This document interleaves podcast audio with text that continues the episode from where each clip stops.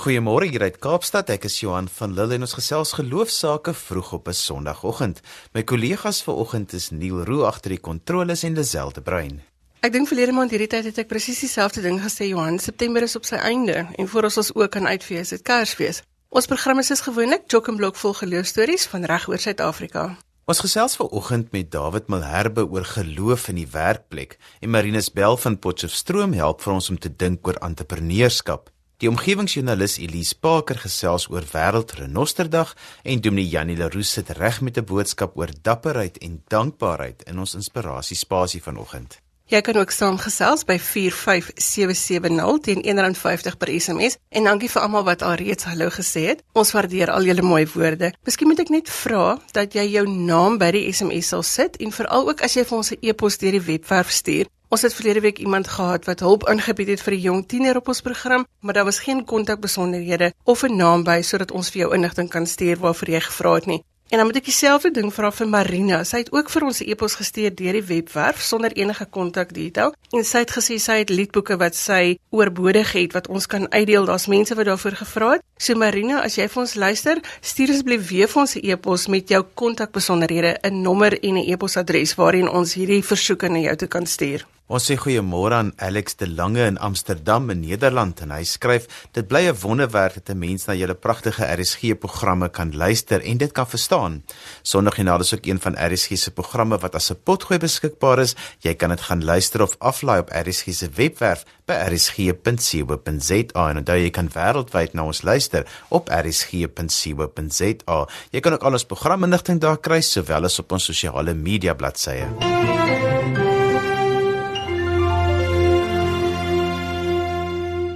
Ons leef en werk saam met diverse kulture en nie almal is ewe gelukkig om hulle Christelike geloof in hulle werkplek te kan uitleef nie. Vanoggend gesels ons met David Malherbe van Jedidia oor wat dit beteken om 'n gelowige in die werkplek te wees. Goeiemôre David. Goeiemôre Lisel. Baie welkom hier by ons in die ateljee. Dis lekker om jou hier te hê. Dankie vir die voorreg. Hoe moet ons as gelowiges dink oor ons doel en ons roeping as dit kom by die werkplek? Weet jy, ek dink 'n belangrike ding is dat Die Here het elkeen van ons uniek gemaak en hy wil vir ons vir 'n sekere iets gebruik.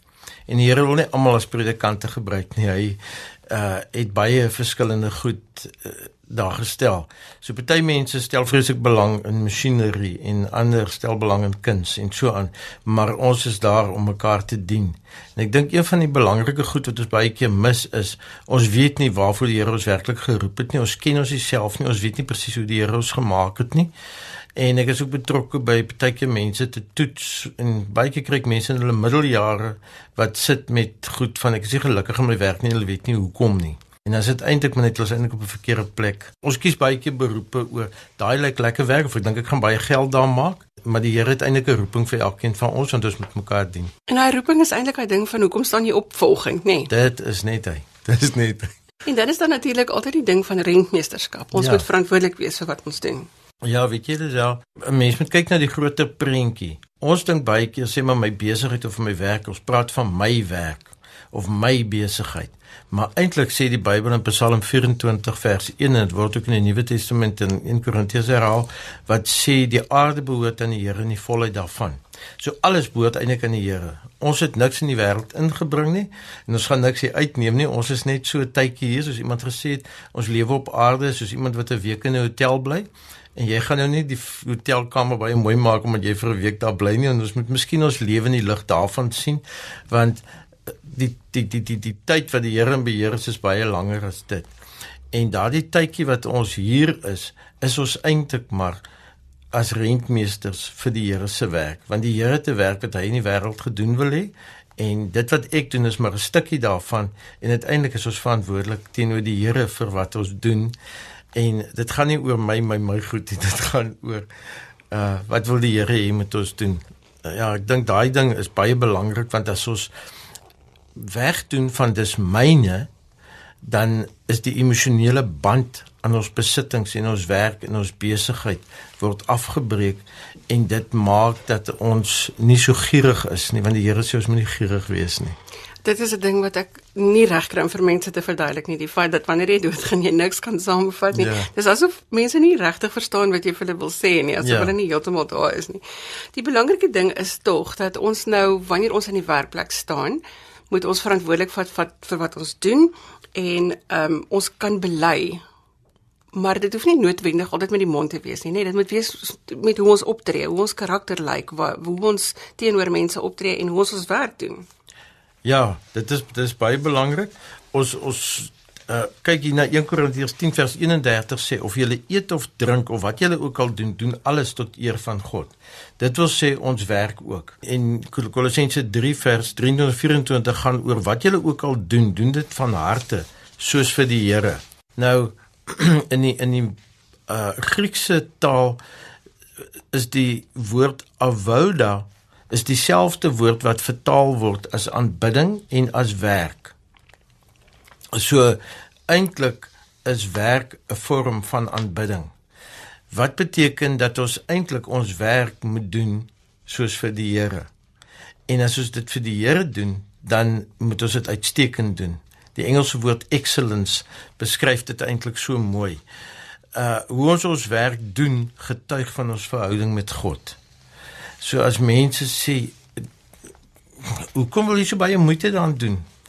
Uh man, kry net klaar. Kan jy sê, maar ek doen dit nie vir hierdie baas nie. Ek vir hierdie bestuurder nie. Ek doen my werk vir die Here want uiteindelik gaan ek rekenskap moet gee teenoor hom. Jy het 'n baie mooi storie van die eienaar van Caterpillar wat Caterpillar die besigheid begin het. Ja. Die persoon wat Caterpillar begin het, sy uh, was erg gele tornio, ek dink sy naam was Robert. En sy suster was 'n sendeling in China.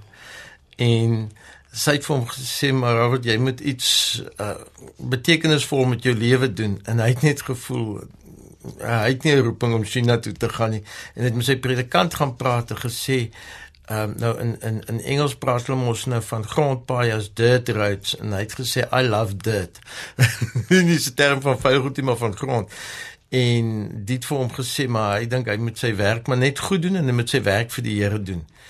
En uh, hy het toe aangegaan daarmee en hy die Caterpillar maatskappy begin en hy het baie keer gegaan om saans op plekke te gaan praat en getuig van wat die Here in sy besigheid doen. En dit was nie vroeër um, 1900 het hy tot 90% van sy inkomste vir die Here se werk gegee.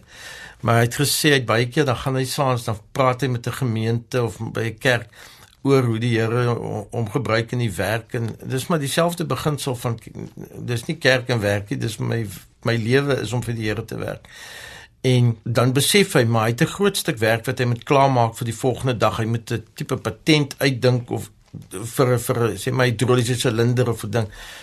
Maar nou gaan hy vanaand eers so intoe en hy weet dis 2 tot 3 ure se werk en vanaand sy terugreis het net ewe skielik vir hom net 'n gedagte gee. En binne 10 minute kom hy by die huis en hy maak daai ontwerp klaar en weet net presies hoe wat hy sê die Here het hom eintlik geëer omdat hy die Here geëer het met sy tyd. Dit wys jou dat 'n mens nie noodwendig hoef China toe te gaan om te gaan sendingwerk doen nie. Dit is belangrik dat 'n mens dit hier doen. Die, as jy voel die Here sê jy moet gaan, dan moet jy gaan.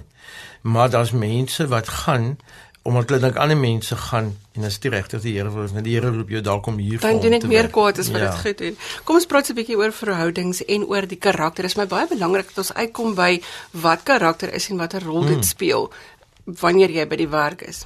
Ja, ek ek ek ek dink 'n mens moet Ek wil dit nie die balans noem nie want 'n mens se lewe is een lewe. Ons praat baie keer van 'n balans tussen 'n uh, 'n uh, uh, kerk en werk en huis en allerlei sulke goed. Hoeveel is ek waar betrokke? Maar eintlik het jy net een lewe. Maar mense is geneig om baie keer te veel tyd aan jou werk te spandeer. Nie dat ons nie ons werk moet goed en deeglik doen nie, maar iemand het eendag gesê dat werk is soos 'n ou wat met vyf balle staan wat hy Engelse woord is juggle, ek weet nie wat se goeie Afrikaanse woord vind wat hy vyf balle juggle van 'n uh, werk en familie en gesondheid en vriende en jou geestelike lewe. Maar werk is 'n rubberballetjie en hy spring altyd weer terug. Waar die ander is glasballetjies en as hulle val dan breek hulle. En vir die Here is die werk nie die belangrikste nie, maar wat is ons verhoudings met ons familie en met ons vriende en so want uiteindelik gaan ons die geld waarvoor ons gewerk het soos ons net nog gesê het gaan nie saam met ons nie en daarom is is daai goed nodig en dis nodig dat ons rus ook die Here het gesê ons moet rus Dis een van die mooiste maniere waarop ek dit nou nog verduidelik gehoor het, die glasballe en die rubberballetjie. Ja. Kom ons kyk na ons karakter. Hoekom is dit belangrik dat daar karakter en en vaardigheid dat dit saamgaan. Ja.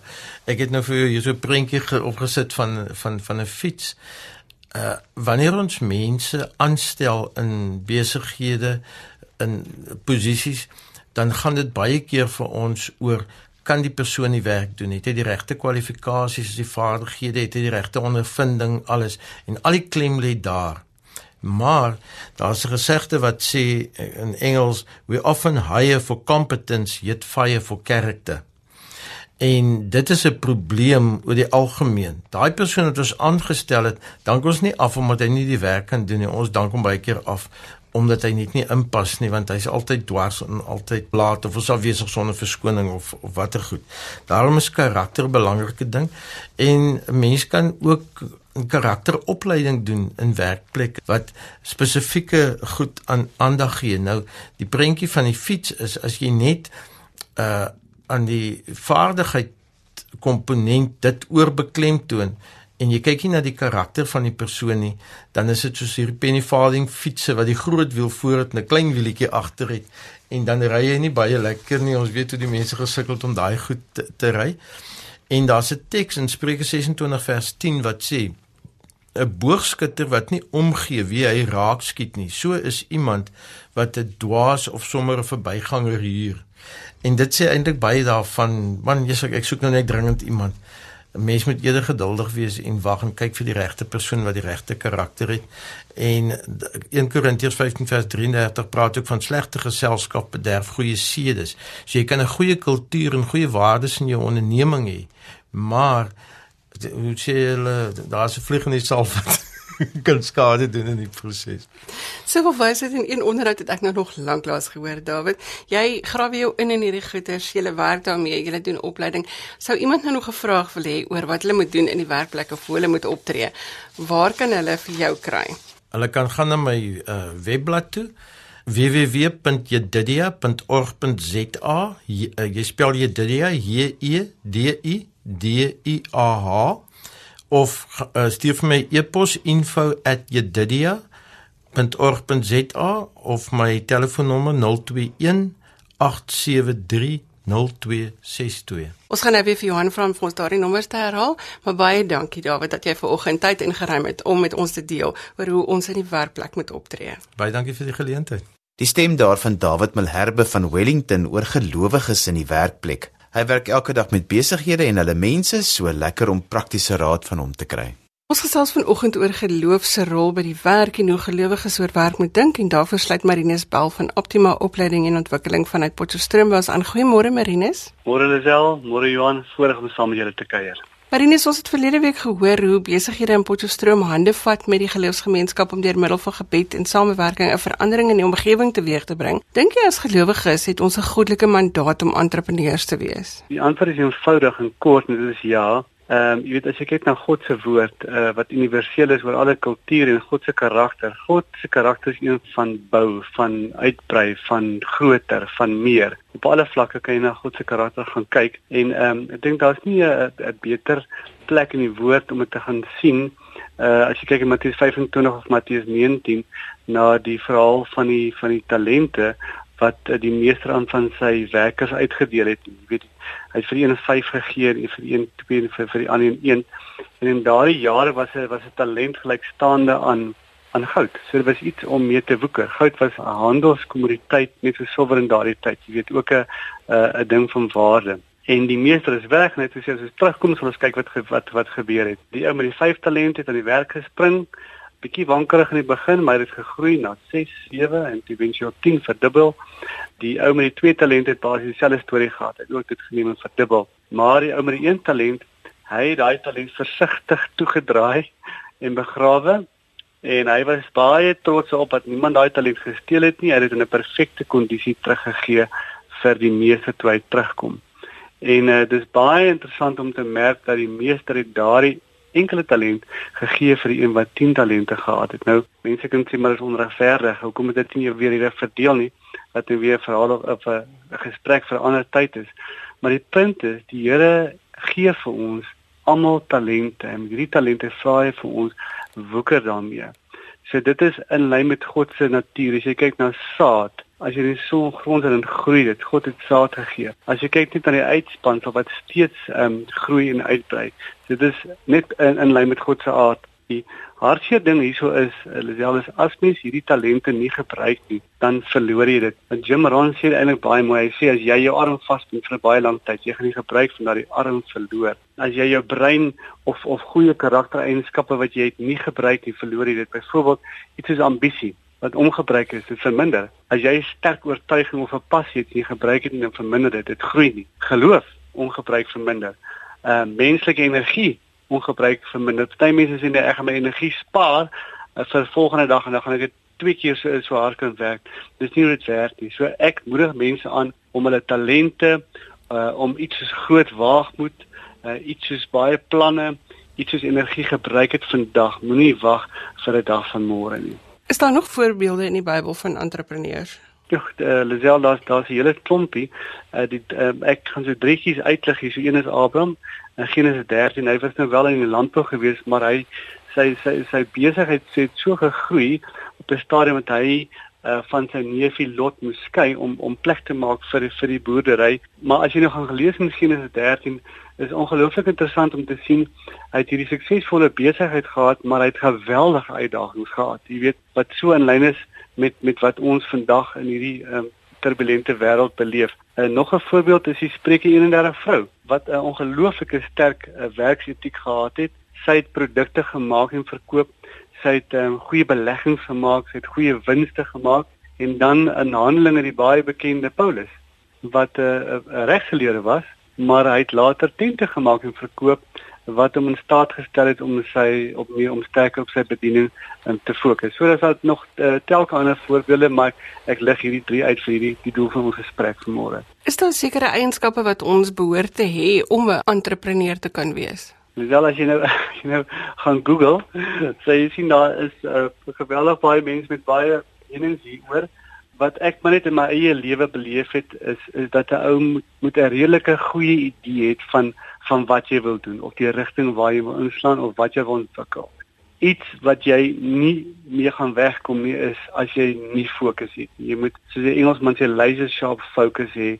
As jy oral oor is en nie fokus nie, gaan jy nie bereik wat jy wil nie. Dan 'n belangrike ding is is jou bereidheid om te waag en om risiko's te neem. En ek weet op radio is die woorde grit of vasbyt of om aan te hou is al baie gebruik, maar ek wil amper sê dit is die element wat ek sal uitsonder is daai vasbyt en aanhou. Jy kry hoeveel mense met briljante idees wat uh, met groot opgewondenheid begin en dan nie nie die eh, die die ding uh, deur sien nie. En dan ook um, omring jy met 'n sterk span. As jy kyk na ouens soos 'n um, bekende entrepreneurs Richard Branson, hy praat nooit van ek nie. Hy praat altyd van ons. So daar's 'n is altyd 'n span betrokke. Jy doen dit nie alleen nie. En um, en dan 'n uh, eenvoudige lesie wat uh, my ma vir ons van kindsbeen af geleer het, dis kom met in beweging. Party ouens beplan so en gaan so in die detail in dat hulle uh, amper passief is in die beplanning en nie in beweging kom nie. So daai uh, partykeer het jy, jy net 'n liggie op die volgende trekkie wat jy gee en val die lig ook net as jy die volgende trekkie sien. So ek sê net kom met in beweging. Is 'n mens 'n gebore entrepreneur of is dit 'n vaardigheid wat mens kan ontwikkel? Wie is wel 'n baie goeie vraag. Ehm um, ek dink uh, uh, daar is mense wat ehm um, kom ons sê wat wat geneties bedeel is. Hulle het nie daai natuurlike aanvoeling uh van kindsbeen af uh koop en verkoop hulle ek en my eie broer hy het 'n hy het 'n kafeetjie begin en hy toe hy 10 jaar oud was en hy het nog altyd gekoop en verkoop. So party mense het daai nie daai natuurlike ding in hulle. Vir ander mense moet jy daai ding wakker maak soos soos 'n musiektalent die ou gaan nie weet hy het 'n musiektalent as hy nie aan 'n klavier of 'n gitaar of wat ook al gaan raak nie. En ek het self gesien in in in die opleiding wat ons self bied vir ehm um, voornemende entrepreneurs as jy daai saadjie gaan plant en jy jy jy voeg 'n bietjie vaardigheid by die inherente talent, is dit ongelooflik om te sien hoe hoe vinnig daardie talent aangewakker word en hoe vinnig dit groei. Ehm um, maar my uitgangspunt is ehm um, al is jy nie 'n entrepreneur nie, enigiemand kan baat vind by entrepreneurskap opleiding en my gebed is self veral in Suid-Afrika en Afrika waar die werkloosheidsyfers so geweldig hoog is en daar so sterk 'n um, fokus op entrepreneurskap is is is is twee dinge jy weet is kom by 'n plek wat jy die regte inligting kry maar tweede vertrou die Here werklik dat hy vir jou slim planne en slim idees gaan gee uh, en by die regte span en mense kan uitbring sodat jy daai droom wat die Here in jou hart geplaas het uh, kan verwesenlik. Dankie Marinus, dankie dat jy vanoggend vir ons lig gegee het en vir ons verseker het dat elkeen van ons ook die vermoë het om 'n entrepreneur te wees in geloof. Fantasties. Mooi dag. En so gesels Marinus Bell vanuit Potchefstroom. Ons het juis vandag meer en meer entrepreneurs nodig om ons ekonomie te stimuleer. Jy's ingeskakel op RSG 100 tot 104 FM en jy luister na Sondagjoernaal saam met Johan Lazel en Neil agter die kontroles. Elise Baker is 'n omgewingsjoernalis wat 'n jaar in die Laagveld spandeer het om stories te skryf oor diere. Vrydag was wêreldrenoster bewusmakingsdag en vanoggend gesels ons oor renosters en hulle bewaring en wat ons verantwoordelikheid teenoor bewaring is. Goeiemôre Elise. Môre môre. Môre Jan. Hallo Elise. Wat beteken dit om 'n groen Christen te wees soos jy dit noem? Om 'n groen Christen te wees beteken nie om net 'n deernisvolle omgee te hê vir die omgewing nie, Johan, maar dit beteken ook om werklik waar toe te sien dat die groter opdrag om die skepping te beskerm te bestuur, dat daar uitvoering daaraan gegee word. Ons kan dit doen deur by die beginsels te hou wat die Here vir ons gegee het. En daai beginsels is een van hulle wat baie belangrik is, is om geregtigheid te laat seëvier. Elise hoor so baie dat ons dit moet doen en ons lees dat ons dit moet doen, maar vir baie mense is dit net nie 'n plan van aksie nie. Daar is 'n plan van aksie en dis die wonderlike ding as jy 'n Christen is, daar's altyd 'n plan van aksie want die Here gee vir ons daai plan van aksie. En die plan van aksie het Jesus vir ons reeds gegee, hy het vir ons gesê, sorg vir mekaar, wees lief vir mekaar, wees so lief vir jou naaste as vir jouself. As ek vir jou omgee, gaan ek mos jou aarde ook oppas. As ek vir jou omgee, gaan ek ook die diere en die nalatenskap wat vir jou belangrik is in die natuur, gaan ek dit ook oppas. Elise, jy as 'n joernalis moes baie keer nou dit gaan uitwys waar mense dit dan nou nie gedoen het nie. En ehm um, hoe distansieer mense jou dan van jou eie geloof aan die een kant en die realiteit waarmee jy gekonfronteer word? Die Here spreek vir jou aan. En daar waar jy staan, by 'n oop renoster karkas van 'n renoster wat gestroop is, met 'n renoster wesie wat nog iewers in die veld rondloop wat heeltemal gedehidreer is, die Here spreek jou sin vir geregtigheid aan en jy raak bewus van wat jou plig ook is om korrupsie uit te wys en ook uit te wys daai groter sorg wat daar moet wees met fondsinsameling om hande te vat om net te help vir mense om parlement toe te gaan om vir jou parlementslid te sê, weet jy, ek sien dit gaan sleg met renosters, jy moet die minister aanspreeklik hou. So daar is 'n definitiewe plan vir aksie. Ek kon my gedistansieer het omdat 'n kamera is nogals gerieflik om af en toe tussen jou in 'n storie te kom. Dis eers as mens tuis kom dan sien jy dikwels die fotos en dan begin jou hart werklik seer word vir wat jy gesien het. Maak die werk wat gedoen word 'n verskil, Elise, aan die renosters? Die renosters en die groter, ehm, um, kan ek sê die groter kwessies rondom hulle, Lisel, daar is werklik op die grond altyd 'n verskil. Die veldwagters en die mense wat werklik hard saamwerk om fondse in te samel, dit maak 'n verskil. Maar op die derde en die vierde vlak, die hoër vlakke by die parlement, is daar werklik nog nie oortuiging nie. By die regering is daar nog werklik nie die passie nie. En dis hoekom ons 'n verskil kan maak. Ons kan 'n verskil maak deur aan te dring op geregtigheid. Groen geregtigheid is 'n wonderlike idee. Dit beteken jy kan daar uitgaan. Dat jy kan werklik 'n groen aktivis word want die Here het vir ons gesê ons moet beklei vir dit wat vir ons belangrik is en ons kan dit doen deur nog steeds Christene te wees. Is dit nie net 'n romantiese beskouing van die skepingsdoel nie? Nee, Lisel, ons moet betrokke kan raak. As ons net wil bestuur en wil beskerm en agteroor wil sit en pragtige video's kyk op National Geographic of wil uitgaan op 'n Sondagmôre in 'n berg gaan klim, ja, dan is dit 'n romantiese beskouing. Maar as ons wil betrokke raak en wil sê korrupsie moet 'n einde kry, dan moet nie meer wildlewe misdaad wees nie. Dan is ons wat die Here van ons verwag. Ons gee rekenskap, ons gee leierskap. En dis die ander ding as Christene het ons 'n plig om leiers te wees in hierdie groot geveg teen wildlewe misdaad. Is daar voorbeelde van mense wat hierdie werk doen wat jy met ons kan deel? Ek het soveel voorbeelde om te noem, maar as ek kan hou by leierskap. Daar's 'n advokaat in Pretoria byvoorbeeld Wim Skeepers en hy hou vir hom besig om sanparke aanspreeklik te hou. Hy het 'n groot groep aktivisgroep wat hy leiding gee en wat hy voorrigting gee en hy gaan uit en hy het samesprekings met sanparke. Hy doen dit op die regte manier. Lisel, hy's nie daar buite besig om aantuigings te maak nie. Hy gaan in gesprek en ek dink dis wat die Here van ons verwag om altyd in gesprek te gaan om by mense bymekaar te kry kry en dan rigting en leiding te gee. Hy's my voorbeeld. As ons praat van praktiese voorbeelde is daar vir my die ereveldwagters van Sanparks. Hulle is 'n groot groep opgeleide mense hier van die 60er jare al wat uitgaan wildtuin toe. Hulle gaan tel die lokstrikke oop, maar hulle is ook bereid om altyd in gesprek te gaan met die mense wat hulle eie leiers is en sê ons moet 'n plan hier maak. Vir my altyd as ek met praat van 'n praktiese voorbeeld en jy het ook al hier vir hom op die program gehad, dan is dit Jacobus daar van die Laveld, iemand wat uitgaan, 'n veldgids wat nie net oplei nie, maar hy beskerm ook. Hy het altyd planne, hy bespreek dit met mense. Hy gaan in gesprek. So ons kan 'n verskil maak. Ons kan 'n verskil maak op 'n plek waar jy kan aansluit by 'n groep, jy kan 'n verskil maak as 'n individu, maar jy kan ook 'n verskil maak deur aan te dring dat dit wat moet geskied volgens wet wel geskied. Elise, jy het 'n pad gestap met verskeie genres as dit kom by skryf. Ons dink van hygromans, dagstukkies, uh, romans met 'n Christelike tema en toe beland jy in die Bosveld. Wat het dit vir jou persoonlik op jou persoonlike reis beteken om juis met hierdie harde, werklike groen getema gerigte stories te werk as 'n Christenvrou? Deernis. Die Here se wonderlike sleutel vir ons almal se harte, ja, en deurens dit werklik eers my deel geword toe ek in die Laveld geboorte het. En ek gesien het dat die lyding van die diere word die lyding van die mens word die lyding van die aarde. En as ons die lyding van die mense, diere en die aarde kan aanspreek, dan werk ons almal daarna toe om 'n meer gebroke wêreld deel te maak. So wat sou jy sê is die boodskap vir gelowiges? Ons sien renosters, ons hoor dit, ons lees dit op die nuus, maar wat kan ons elkeen self persoonlik doen om te sorg dat hierdie ding nou stop vir eens en vir altyd? Op 'n persoonlike vlak, daar waar jy 'n groep kan aansluit, daar's wonderlike Facebook groepe, maar daar's ook wonderlike fondsinsamelingsgroepe. Dis al om te gaan kyk wat is die kwessies, wat kan ons aanspreek? Kan ons korrupsie aanspreek om nie langer moedeloos en hulpeloos te wees nie, maar ook 'n groot deel van wat gebeur in die wêreld van renosters gaan oor stroping en daar het ons almal 'n stem om te praat teen korrupsie want daar's baie korrupsie in die wêreld ook. So ja, ons kan rekenskap gee, ons kan leierskap gee en ons kan betrokke word.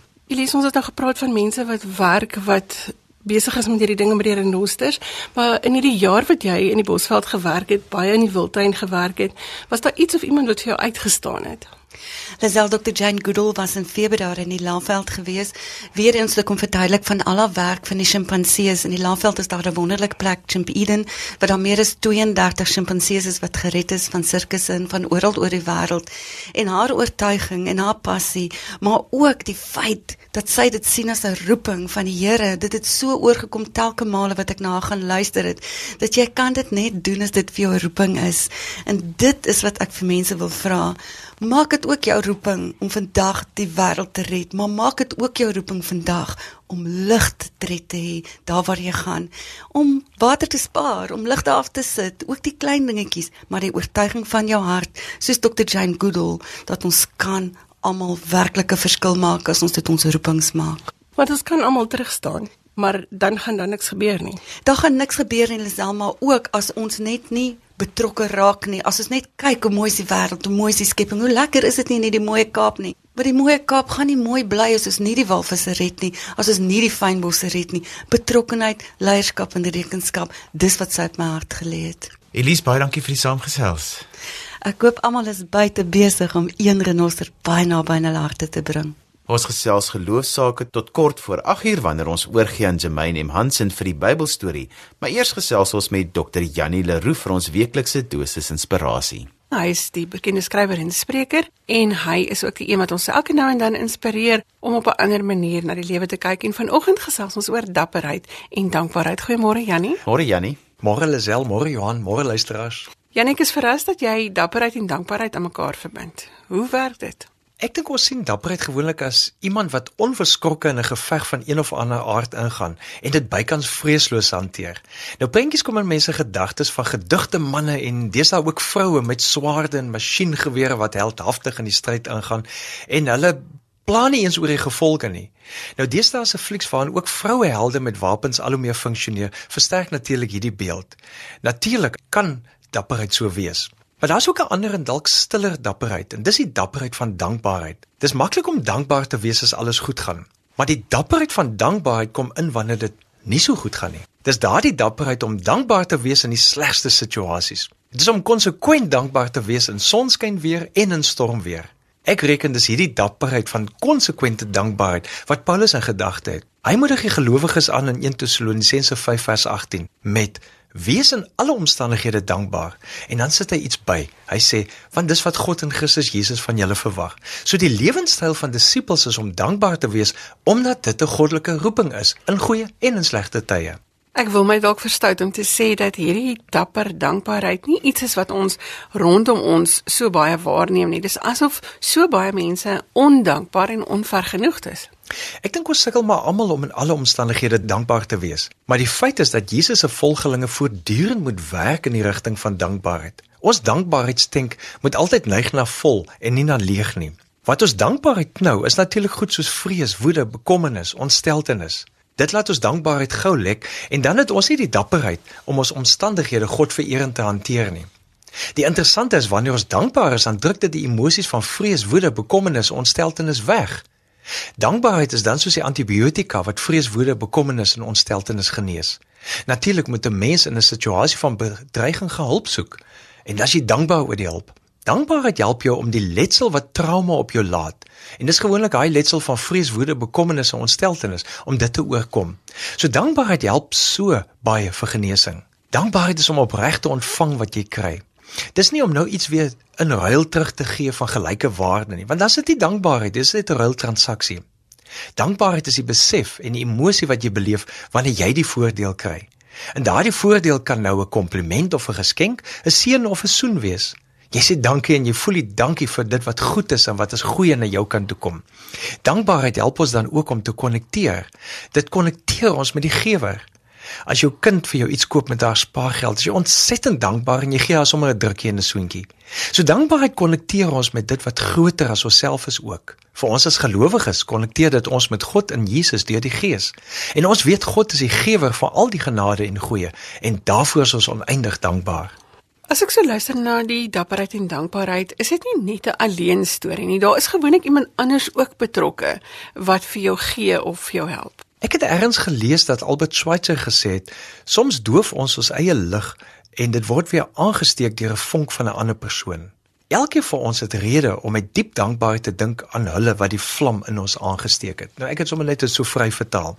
Maar dankbare mens besef altyd die verhouding. Dis om te besef jy's interafhanklik van ander mense en afhanklik van God vir die goeie guns wat na jou kant toe kom. Jy weet dis die goeie bedoeling van mense en van God wat jou help. Daarom is jy dankbaar. Waar die dapperheid inkom, is om in jou moeilike omstandighede jou nie te gaan isoleer van jou medemense van God nie. Dis juist die tyd waarin jy iets moet vind waarvoor jy dankbaar kan wees vir God of vir wat ander mense vir jou beteken. Dapperheid kom nou in omdat jy jouself met die hulp van die Gees moet help om te kies om iets raak te sien waarvoor jy dankbaar kan wees. Nou die goeie nuus is, soos jy begin met een ding wat jy raak sien waarvoor jy dankbaar kan wees, gaan jou oë ook oop vir ander moontlikhede. Die sielkundige navorsing wys al hoe meer dat as jy dankbaar is, dan ontwikkel jou vlakke van emosionele gesondheid beter en is jy ook meer tevrede met die lewe. So as ons nou kan prakties word, ons weet dit is maklik om dankbaar te wees in goeie tye, maar hoe kweek ons dan nou hierdie dapperheid en dankbaarheid in 'n tyd wat ons uitdagings belewe? Gelukkig weet ons nou met navorsing wat geestelikes al vir eeue weet. Dankbaarheid kan gekoester en gekweek word. Ons het net nodig om te besef dat alles in die lewe is eintlik 'n geskenk van God. Ook my en jou lewe is 'n geskenk van God. Dit is nie net van selfsprekend nie. Hoe kweek en koester ons dan hierdie dankbaarheid? Een van die eenvoudigste maniere, en dis so eenvoudig dat ons glip daarop, dis om elke dag 3 dinge te identifiseer waarvoor jy vir God dankie kan sê. En probeer veral om elke dag 3 nuwe goed raak te sien en vir God te noem. Die aanbeveling uit die navorsing is om so 'n dankbaarheidsjoernaal te begin hou. Dis 'n boek waarin jy net neerskryf waarvoor jy dankbaar is en hoekom. So 'n dankbaarheidsjoernaal is om met die tyd, soos jy terugkyk te besef, "Jo, ek is eintlik baie geseënd." En jy besef, "God koester my, God het my lief." Wanneer 'n mens die gewoonte van dapper dankbaarheid aanleer, vermeerder jou lewensvreugde en verminder jou stres en ook die depressiwiteit. En dit wys die navorsing nou vir ons. Kan jy nou vir ons met 'n laaste gedagte oor dapperheid en dankbaarheid laat Janie wat ons nou vat dit vir ons saam sodat ons dit nou met ons kan saamdra hierdie week. Moenie terugdeins as die moeilikheid rondom jou val soos bomme nie. Begin net om vir een iets dankbaar te wees. As jy terugkyk, sal jy besef hoe dapper jy eintlik was. Want dapper dankbaarheid hou altyd Jesus se hand vas en kyk waar God guns wys en is sensitief vir die fluistering van die Gees wat nuwe moontlikhede ontsluit. En as jy dankbaar is, help iemand anders ook daarmee gee vir daardie persoon 'n kompliment, 'n koppie koffie, 'n fliekaartjie. So kom ons wees saam dankbaar en ons bou God se koninkryk. Ja, nee, my gemoed is altyd ligter as jy hier by ons gekuier het. So baie dankie dat jy vanoggend so 'n bietjie met ons gedeel het oor dankbaarheid en dapperheid en dankie vir jou kuier. Baie baie dankie. Jy kan meer lees by Jannie se blog as jy meer inspirasie soek. Dit is www.jannieleroux.co.za. En met die stem van Dr. Jannie Leroux het ons aan die einde gekom van vanoggend se program. Ek kan seker groet deur Jannie se woorde te ekho wees dapper en dankbaar in die week wat voorlê. Van my Johan van Lille. Totsiens. Ons wag vir jou terugvoer. Jy kan vir my e-pos met kommentaar of as jy 'n geloofstorie met ons wil deel by Lazel by www.media.co.za. Dis Lazel L E Z E L L E by www.media.co.za. Of jy kan ook vir ons 'n boodskap deur die webwerf stuur by rsg.co.za. Onthou om jou kontakbesonderhede by te voeg, anders kan ons net lees en nie reageer nie. Tot volgende week groet ek namens produksieregisseur Neo Roo. Maak 'n punt daarvan om uit te reik en vandag iemand se lewe makliker te maak. Totsiens.